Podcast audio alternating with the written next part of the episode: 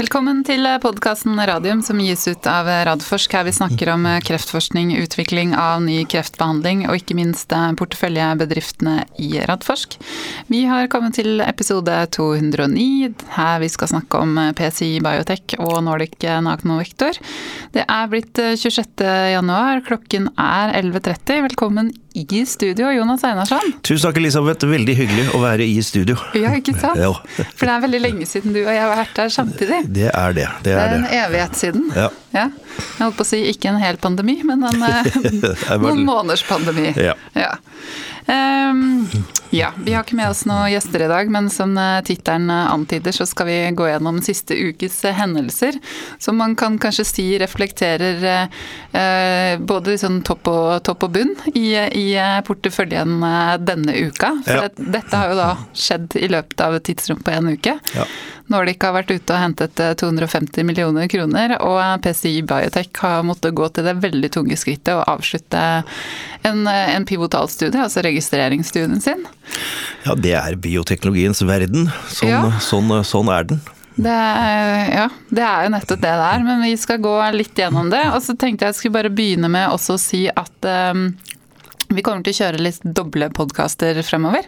Nettopp fordi det har skjedd eh, så mye og skjer eh, mye bra. sånn at neste uke så får vi med oss eh, Biotech med Per Valdøy og Ronny Skugedal. Og vi skal også ha en podkast med, med Targovax og Erik Digman Wiklund. Og uken etter det så skal vi ha med oss Nikode og Nordic Nanovektor.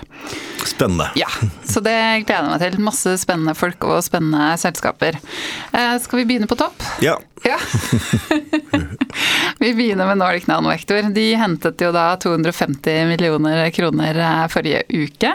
Eh, de er også i gang med en reparasjonsemisjon, eh, men der skjønner jeg at den går kanskje ikke helt veien, hvis vi starter med den? Nei, altså reparasjonsemisjonen er jo for at de aksjonærene som ikke fikk tegnet seg, og spesielt altså, som du sier topp, ja det er kjempefint at de fikk hentet inn 250 millioner, og vi syns det var viktig at de gjorde det, sånn at de nå får arbeidsro på den siden til å fullføre paradigmestudien og forhåpentligvis komme med gode resultater.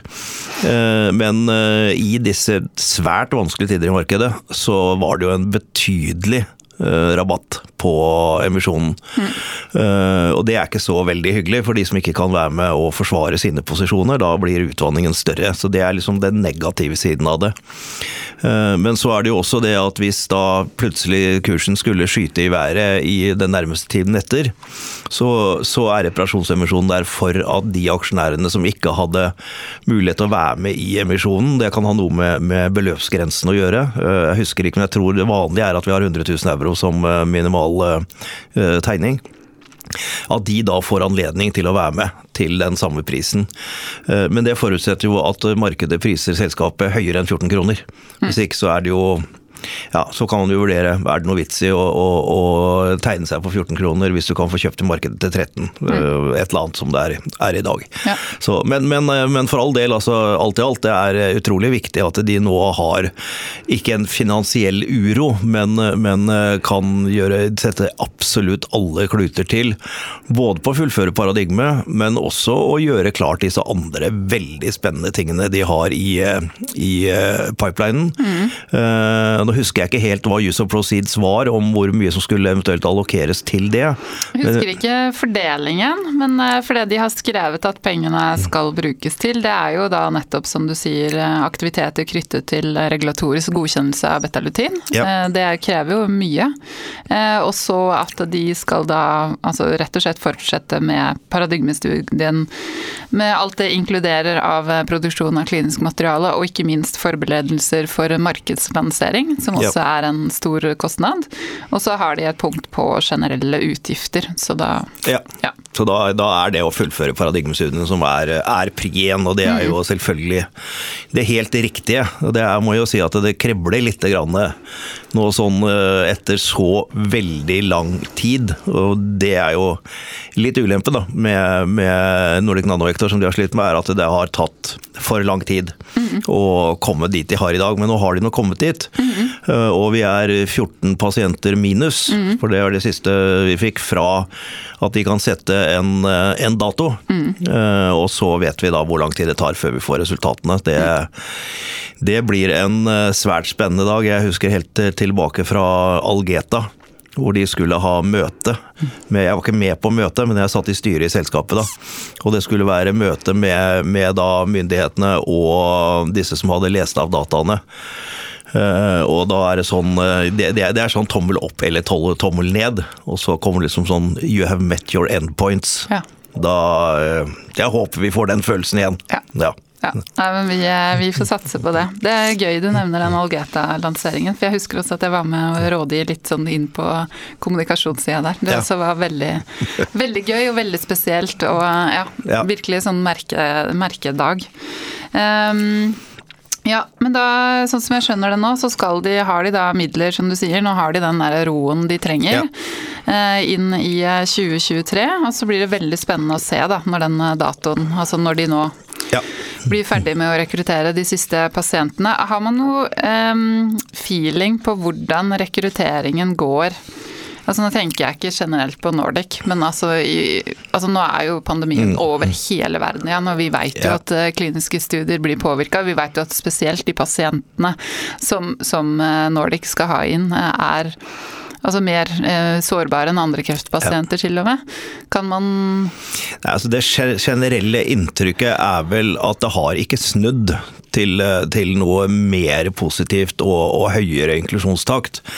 Eh, men det har ikke blitt verre heller. Nei, det, er litt sånn status quo. Litt sånn status quo. Kanskje enkelte steder og enkelte land at man ser litt mer, mer lysning. Men det varierer, det varierer, faktisk fra sykehus til sykehus. Ja, Noen sykehus har liksom veldig god kontroll på dette og nærmest driver eh, de kliniske utprøvingene og kreftbehandlingen på vanlig måte. Men mens andre har de avdelingene oppe og går, men de må rett og slett gi fra seg så mye ressurser mm. til eh, intensivavdelinger og andre avdelinger eh, at de rett og slett ikke har folk til å, å ta i og jobbe med rekruttering og oppfølging av pasienter. Så det, det, er ikke bare fra land til land, men det er også fra, fra sykehus til sykehus. Ja, og da blir det jo helt umulig å ja, Det blir så fullstendig ja. uforutsigbart, ikke ja, sant. Men, ikke sant? men jeg, jeg, har vel et inntrykk av, nå, nå sitter jo ikke jeg på disse inklusjonstallene fra de forskjellige selskapene, men jeg har et inntrykk av at det, det går. Ja går framover, ja. tross alt. Ja, men det er veldig bra. Og som du sier, de har jo masse andre spennende prosjekter, særlig knytta til et nytt eh, mål som jeg skjønner er veldig viktig innafor altså lymfekreft og blodkreft generelt, en CD37. Mm. Eh, så det blir veldig spennende å få um, Erik Skullerud og Melene Brondberg i, i, eh, ikke i studio, men på Zoom, ja. for å fortelle mer, mer, om det. Ja, det syns jeg er kjempespennende. Og det er Jeg har noen, noen ideer om hva jeg tror de tenker, men, ja. Eh, men jeg tror vi skal høre hva de sier først. Ja, det, det kan vi gjøre. Uh, yes, det, da kommer de om uh, to uker fra i dag. Uh, og det gjelder jo sånn generelt. alle spørsmål som folk har nå til PCI, uh, Targovax, Nikode, Nordic Nanovector, det er egentlig bare å sende, sende inn, så skal vi få de samlet opp. Eh, da må vi gå videre til, eh, til, PCI Biotech.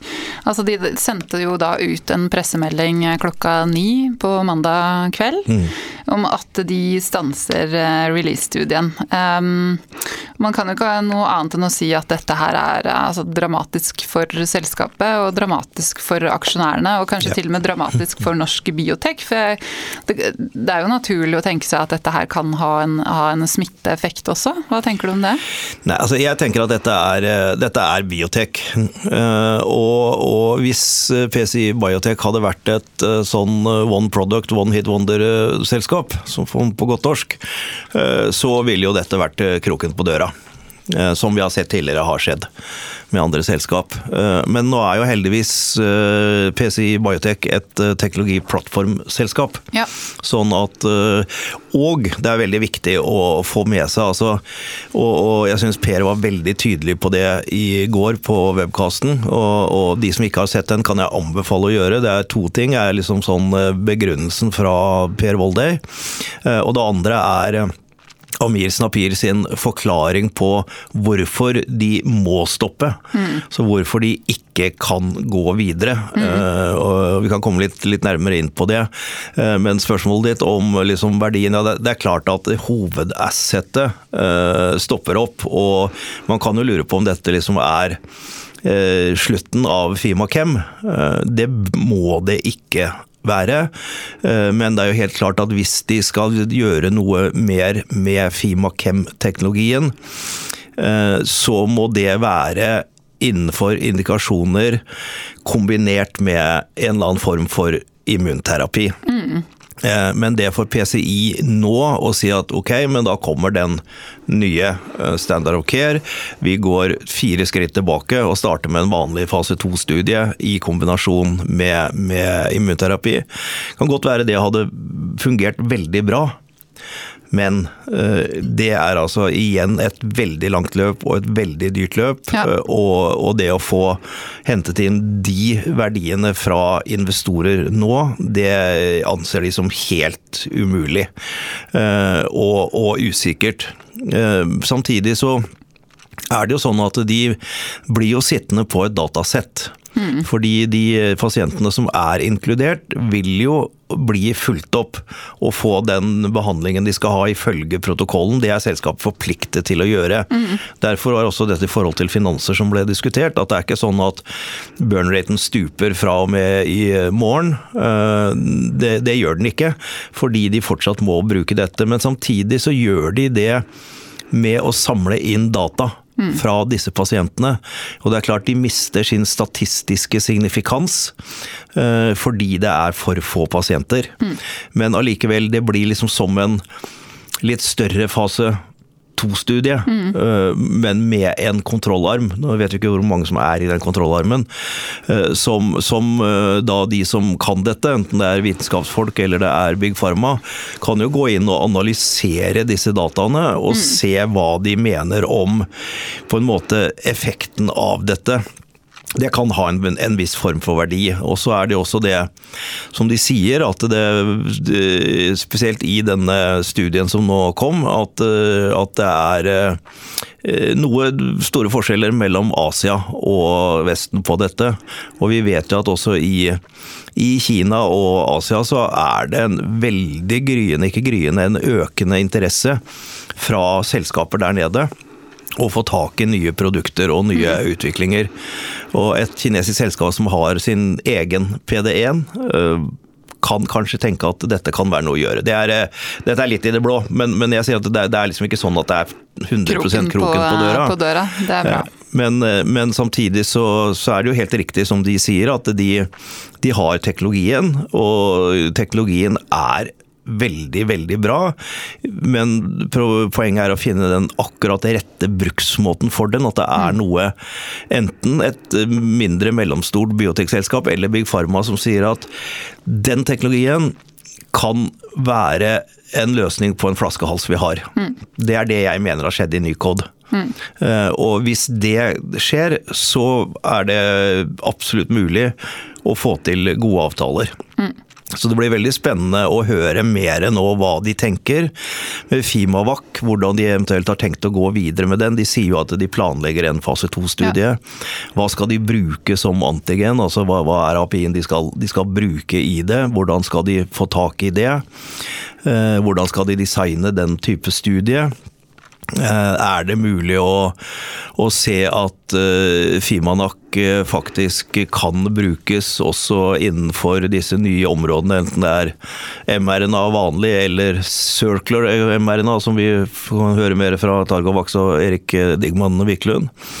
Så det er absolutt, det er absolutt muligheter for at, at man kan på en måte litt sånn restarte PCI, som jo jeg har brukt det samme uttrykket for, for Targovax.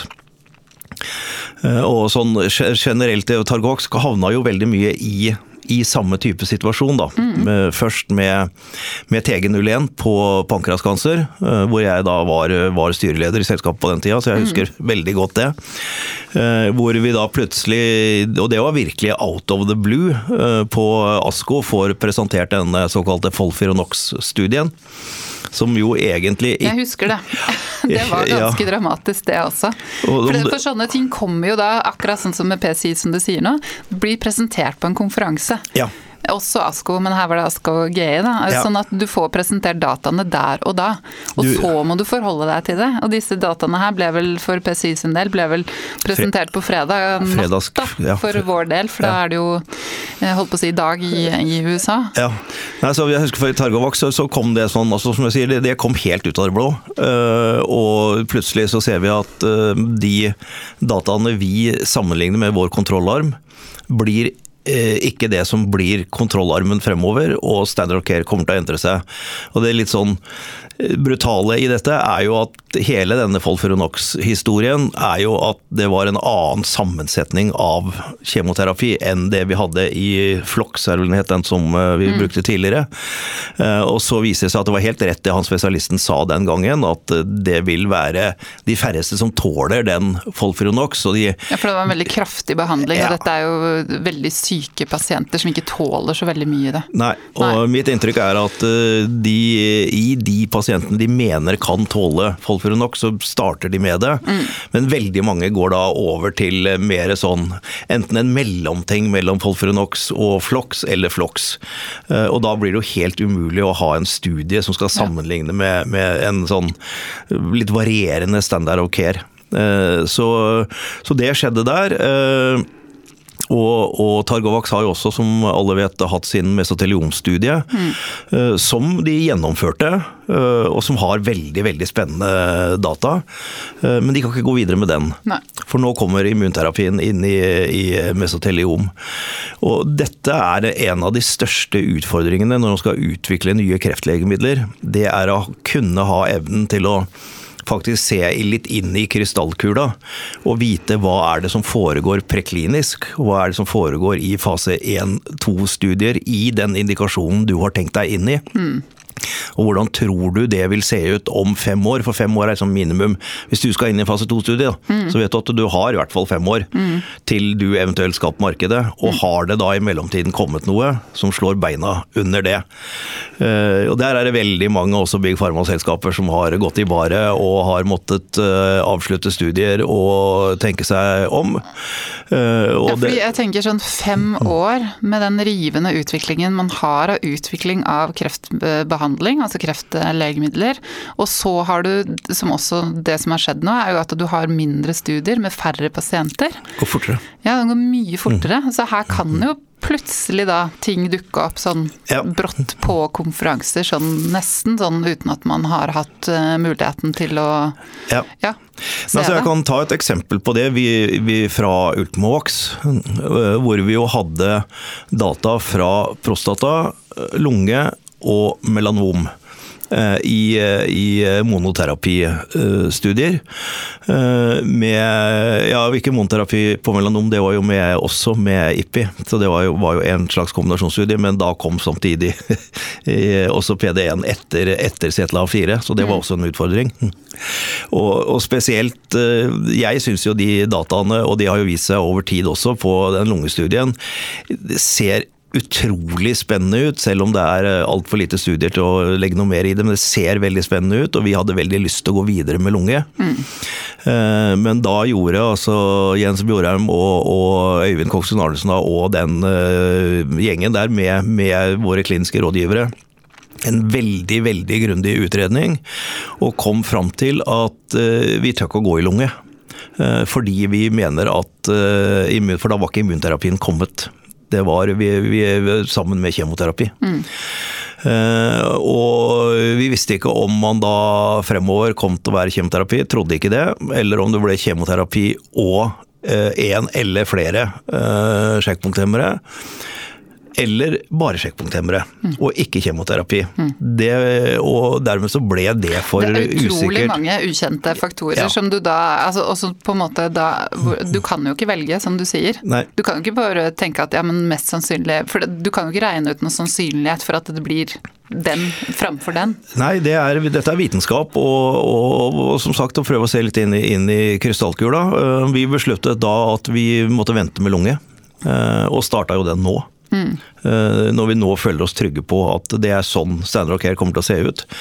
Mens i melanom var jo det som lå absolutt lengst framme med immunterapien. Mm.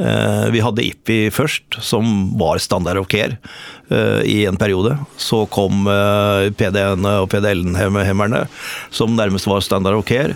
Og så begynte man å kombinere CTLA4 og PD1. Eh, sånn at det vi gjorde med, med, med UV1 da, var at vi først viste at vi hadde gode signaler fra en studie med CTLA4, altså IPI. Eh, og så gjorde vi det samme med en PD1-hemmer. Og så kjører vi nå den eh, som vi håper kan bli en registreringsstudie, på trippelkombinasjonen. Mm. Uh, og så kombinerer vi de andre studiene kombinerer vi med enten med sjekkpunkthemmere og eller andre immunonkologiske mm. preparater. Uh, så det, har vi nå, det er liksom den tunge lærdommen uh, som man har. At hvis du skal utvikle noe nytt nå, så ser det ut som at det må helst være noe som bedrer effekten av immunterapi. Mm. Og Hvis du kan vise det, så håper og tror vi at det er noe vi kan legge på toppen av noe. fordi at, at noe skal komme og erstatte uh, sjekkpunkthemmerne, mm. uh, det tror vi ikke. Nei. Men uh, det kan absolutt er, er, åpninger for forbedringer av effekten til sjekkpunkthemmerne. Mm. Så, så, det er sånn utviklingen har, har, vært. Og tilbake til, til PCI. Så ble det også stilt en del spørsmål om uh, burde dere ikke ha sett dette før?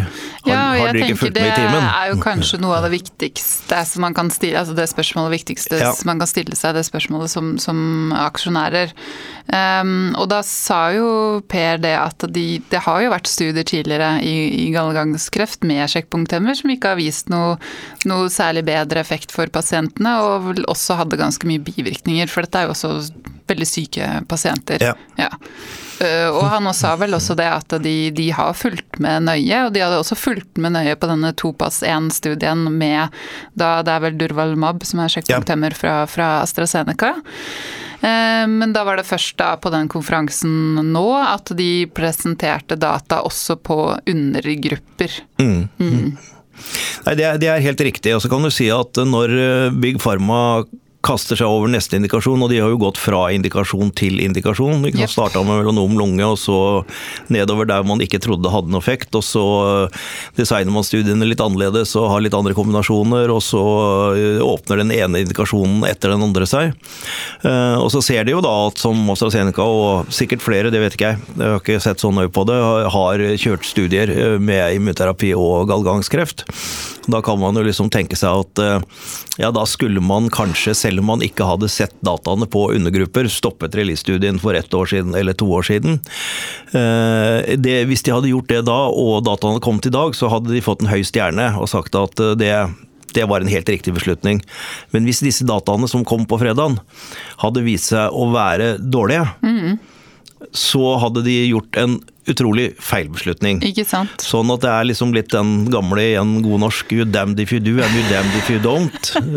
De har Eller fått, biotek, da. Ja, de har jo fått kritikk for å stoppe headneck-studien, ikke sant. Fordi mm. det tok eh, Og det har vel knapt nok kommet uh, noe på immunterapi der enda, men da, da liksom gjorde de det den beslutningen, og så vil de ikke gjøre den samme beslutningen igjen nå. så så det man, man, kan kritisere både opp og ned i mente, men eh, jeg vet ikke om noen kunne gått og satt seg i, i Per Valdeis stol for to år siden og sagt at uh, jeg hadde tatt den beslutningen fordi jeg visste. Mm. Da er det noen som har uh, drømt et eller annet. Ja. Sånn uh, uheldig situasjon, men, men, igjen styrken ved å ha en teknologiplattform gjør at jeg, jeg har tro på at PCI-teknologien finner sin plass på en eller annen måte. Mm. Ja, fordi eh, jeg la merke til Hans Petter Bøen eh, eh, styreformann som også var med i webcasten i mm. går, poengterte jo det på en måte, det var kanskje på slutten han sa det, at um, altså, Release-studien har jo vært eh, langværig, den har vært eh, veldig dyr. Eh, den har vært veldig komplisert, ikke, mm. sant? ikke minst pga. at det har vært så vanskelig å få pasienter inn i den kontrollarmen. Og de har virkelig blitt straffet gjennom pandemien i form av at det har vært veldig vanskelig å rekruttere. Mm. Dette, og de har jo måttet endre protokollen sin. altså Det har vært en kjempe kjempejobb for selskapet. Så selvfølgelig ville man jo, altså i en perfekt verden, at de skulle komme, komme ut av dette. Men samtidig nå når dette skjer, og de må ta den beslutningen, som, som også Per sier, og tydelig at hele styret er enig om at dette er den riktige beslutningen for selskapet, så har du jo nå alle muligheter til å fokusere på Fimavac og Fimanak, og da spesielt på Fimavac, som de da allerede sier at nå er dette ledende produktet vårt. Mm. Mm. Og vi skal inn i fase to, men vi vet ikke helt eh, enda hvordan og Nei. Ja. Nei, ja, det tror jeg, tror det er helt riktig. Og, og, igjen, da Paradoksale er jo at det ser jo ut som inklusjonshastigheten hadde tatt seg opp. Ja. Eh, det er, liksom det, det, er, det, er det ordentlige paradoksale. Ja. Eh, og så igjen understrekningen av, av, at det er ingenting som sier at teknologien ikke fungerer. Nei. Det er ikke altså De hadde et møte i desember, forteller eh, Per, i, i denne Independent Data Monitoring Committee, mm. som ga grønt lys videre. Så det er ikke noe problem med, med safety. Uh, og vi venter å se på, på de resultatene vi, vi, får ut. Så det er det, Dette er liksom litt sånn uforutsette omstendigheter som man ikke, ikke kunne forutse. Mm. Rett, rett, og slett. Um, ja, men, men, sånn som med aksjonærskuffelsen, altså det, det, kan man jo forstå. Men jeg tenker, hva, hva, kan man gjøre? Nei, altså det, det, er klart jeg forstår det. Altså her er det folk som, veldig mange, som har investert sine egne penger i en teknologi og et selskap som de virkelig har trodd på. Mm. De kan fortsatt tro på teknologien, men de hadde jo også tro, tro, på at de skulle få verdier ut av sin investering. Mm. Det får de ikke nå. Tvert imot. Veldig mange har tatt tap. Mm. Det er forskjellig hvordan man investerer, hvor, om dette er penger man har råd til å tape, eller om man har lånefinansiert. altså Det er veldig mye sånn som gjør at mange er blitt tvunget til å ta et tap. Mm. Og det syns jeg alltid er trist i, i vår bransje når det skjer, men samtidig må alle vite om risikoen mm. når man går inn i, eh, i denne sektoren. Eh, men, men, mitt råd er jo at hvis man har råd til det og mulighet til det, mm. Så tror ikke jeg at dette er det rette tidspunktet å selge på. Eh, fordi det er, hvis man først har tatt et stort tap, som vi også har gjort, eh, så er det ikke så veldig mye mer igjen å tape akkurat nå. Eh, men det er fortsatt en oppside. Mm. Så Forsto jeg det riktig sånn at, eh, at allerede på Q4-presentasjonen så ville de snakke litt nærmere om planene videre?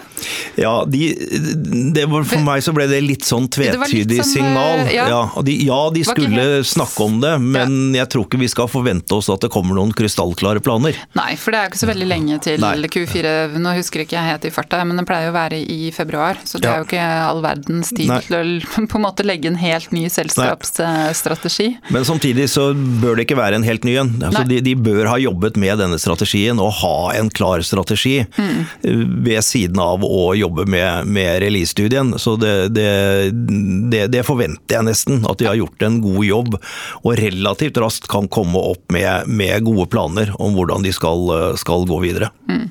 Vi får spørre Per om det når han kommer mm. Eh, neste uke. Men det var én ting som, eh, som, slår meg når vi snakker om dette her, med, i forhold til det at um, altså utfordringen er å velge riktig uh, indikasjon i forhold til hva du vet kommer til å være standardbehandling. i veldig lang tid framover, du sier fem år, ikke sant. Mm. Mm. Um, men når det blir så vanskelig, uh, og man på en måte må stoppe studier med altså noe som kan se ut som en veldig lovende behandling, er det, noe, måte, er det noe man bør gjøre med kliniske studier for å på en måte Fordi ofte er det jo lurt å ha flere typer behandlinger for samme indikasjon. Ja. Skjønner, du, jeg skjønner, jeg skjønner, du hva jeg prøver å få ut av hodet her? Jeg ja, klarte ikke å formulere det. Ja, det er som de pleier å si, takk for spørsmålet, det var et godt spørsmål. Det, var, det er et veldig godt spørsmål, og det er klart at, at det må vi se på. Fordi hvis dette blir en så høyrisikosport, så kan du lure på hvor mange, i hvert fall av nye biotekselskaper, som tør å kaste seg ut i dette. Eh, og da kan vi risikere å komme tilbake til der vi var før, hvor det er Big Pharma som nærmest har monopol. Fordi den type selskap som vi er med å starte og bygge opp, vil investoren si at dette her er, det er, det er for risiko. Mm. Vi vet det er høy risiko, men nå er den blitt for høy. Eh, og da må vi tenke på hvordan vi, som du sier, hvordan vi eh, kjører våre kliniske studier, og hvordan de regulatoriske myndigheter ser på dette. Da er vi tilbake til real world data, syntetiske kontrollarmer. Legger et opplegg som sier at eh, man kan ha en eller annen måte å si at hvis standard of care endrer seg, så vil man kunne bruke dataene på det som var standard of care, og så kanskje fortsette studien med en kontrollarm med det nye standard of care, pluss at den, den armen, armen du har, er Sander Rocker pluss det du kommer med i tillegg. Jeg har ingen løsning på hvordan det kan gjøres, men jeg tror det er helt viktig at det internasjonale samfunnet og de regulatoriske myndighetene nå ser at vi faktisk kan miste mange muligheter til å få fram nye og spennende medisiner. Mm. Hvis vi ikke facer dette med Og det er nettopp det med det veldig raskt skiftende landskapet, pluss at studiene blir mindre. Og der må det finnes et mulighetsrom, tenker jeg. Mm. Ja, for jeg tenker sånn, Selv om du da skal kjøre inn sjekkpunkthemmere på ganske mange indikasjoner, så det, men det, vi vet jo at ikke alle, alle har nytte av sjekkpunkthemmere. Mm. Så du må jo ha et alternativ til de pasientene. Jeg tenker sånn i forhold til det du sa om Targovax med TG01, som da kunne jo vært et eh, fantastisk behandling for en mm. del mm. altså pankraspasienter, og også her med gallegangskreft, så, så, har man jo da den potensielle muligheten at, at nettopp Fimakjem kunne vært et fantastisk alternativ. Ja. Og det er jo sånn, altså dess mer vi går inn i den persontilpassa medisinen, hvor kreft nettopp er liksom det som på en måte ligger langt framme. Så tenker jeg da må man tenke det sånn, men da må du jo også endre de kliniske studiene, sånn at ikke det blir stang ut. Eh, på den måten som vi har sett nå, da. Nei, og da er det kanskje sånn at du må kjøre noen eh, Altså, uh, Fimakem er jo da en forbedring av kjemoterapi. Mm. Uh, og det var jo en fantastisk idé og mulighet når vi starta med dette. Men det begynner å bli veldig mange år siden. Mm.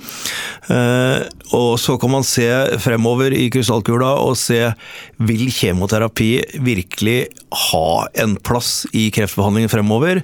Vi har jo trodd det til nå, mm. men jeg er ikke så helt sikker eh, på det. Kanskje som en, eh, en, en, måte å slå ned tumorbyrden på en rask og effektiv måte, og så gå inn med, med immunterapi og andre ting. Mens nesten alt det andre vi jobber med, er jo å forbedre immunterapien. Mm. Og da tror jeg vi må, må komme dit at vi i tidligst mulig fase eh, får lov til og kan begynne å kombinere med immunterapiprodukter. Og da er vi jo helt avhengig av at disse store farmaselskapene faktisk er interessert i å være med og bidra med sitt produkt i indikasjoner som enda ikke er godkjent. Være med å sette opp de kliniske studiene, gå aktivt inn. Ikke bare si ok, dere kan få preparatet, men vi kan tenke oss at dette er et, et eh, nytt produkt som kan hjelpe vårt preparat i fremtiden, og aktivt gå inn i et samarbeid. Mm. Det har vi mangla, mm. Eh, og det tror jeg kanskje er fremtiden. Mm. Leste faktisk litt sånn tilfeldig i går en artikkel om et Eh, bergensselskap. Cytovision, hvis jeg husker eh, navnet riktig. Jobber med noen sånn lytiske peptider, noe à la det Lytix holder på med. Mm. Og der så jeg på den sliden deres over, over pipelinen, så var de i ferd De hadde startet én studie, hvis jeg husker riktig, og så var de i ferd med å starte tre nye studier med en kombinasjon mellom eh, en sjekkpunkthemmer og det lytiske peptidet deres. Tanken der er det samme som lytisk peptid, eh, onkolytisk peptid, altså mm. type onkos, peptidvaksiner. Eh, alt dette har jo samme, samme tankegangen. Mm. Og de tre siste studiene, der sto det liksom at sponsorer var dette lille, bitte lille norske selskapet og Merck. Ja, ikke sant. Og hvis det da viser seg at de Og, jeg har snakket litt med, med noen som er, har investert der, og de sier mm. at ja, dette er et reelt samarbeid, samarbeid. med Merck. Merck bidrar, tror jeg, ikke med penger i tillegg til dette, men de bidrar med kompetanse. Mm inn, og jeg tror våre selskaper må prøve å få til det mm. så raskt som overhodet mulig mm. for å henge med i denne relativt kjappe galoppen. Ja, ja for det, det, er det, det, det, er jo det, bildet som utkrystalliserer seg, at det blir kjappere og kjappere galopp. Ja. Yes, da Det var um, det holdt på å si, det var dagens eh, podkast. Det var egentlig det jeg skulle si også. Men da som sagt, eh, da får vi Per Valdai og Ronny Skugdal i studio neste uke fra PCI Biotech, og Erik Digman Wiklund fra, fra Targovax. Så det er um, bare å sende inn spørsmål. Um, så det ser vi fram til. Du må ha en fin dag videre, Einarsson. Det skal jeg gjøre. Jeg prøver å dobbeltsjekke meg selv nå, men ja, tror Cytovision var altså, gammel mann på snart 65 skal for, multitaske. For, for dere som ikke ser det, så sitter Einarsson dypt begravd under nesa si i telefonen, og da trodde jeg han hadde fått en viktig beskjed som gjorde at han nå måtte løpe ut av studio. Nei da. Men han, han googler. Han ja, googler. Jeg trekker tilbake. Det er ikke Cytovision. Det er, jeg husker ikke navnet. Det er et lite bergensk selskap hvor bl.a. Kanika har gått inn som uh, investor. Ja. Så da kan kan man google selv. Skal, skal jeg, google selv. Så skal jeg heller komme med, med fasiten i neste, neste, episode. Følg med. Det er veldig bra. Når vi vinner med, med quiz også. Flotte greier. Takk for i dag. Takk for i dag.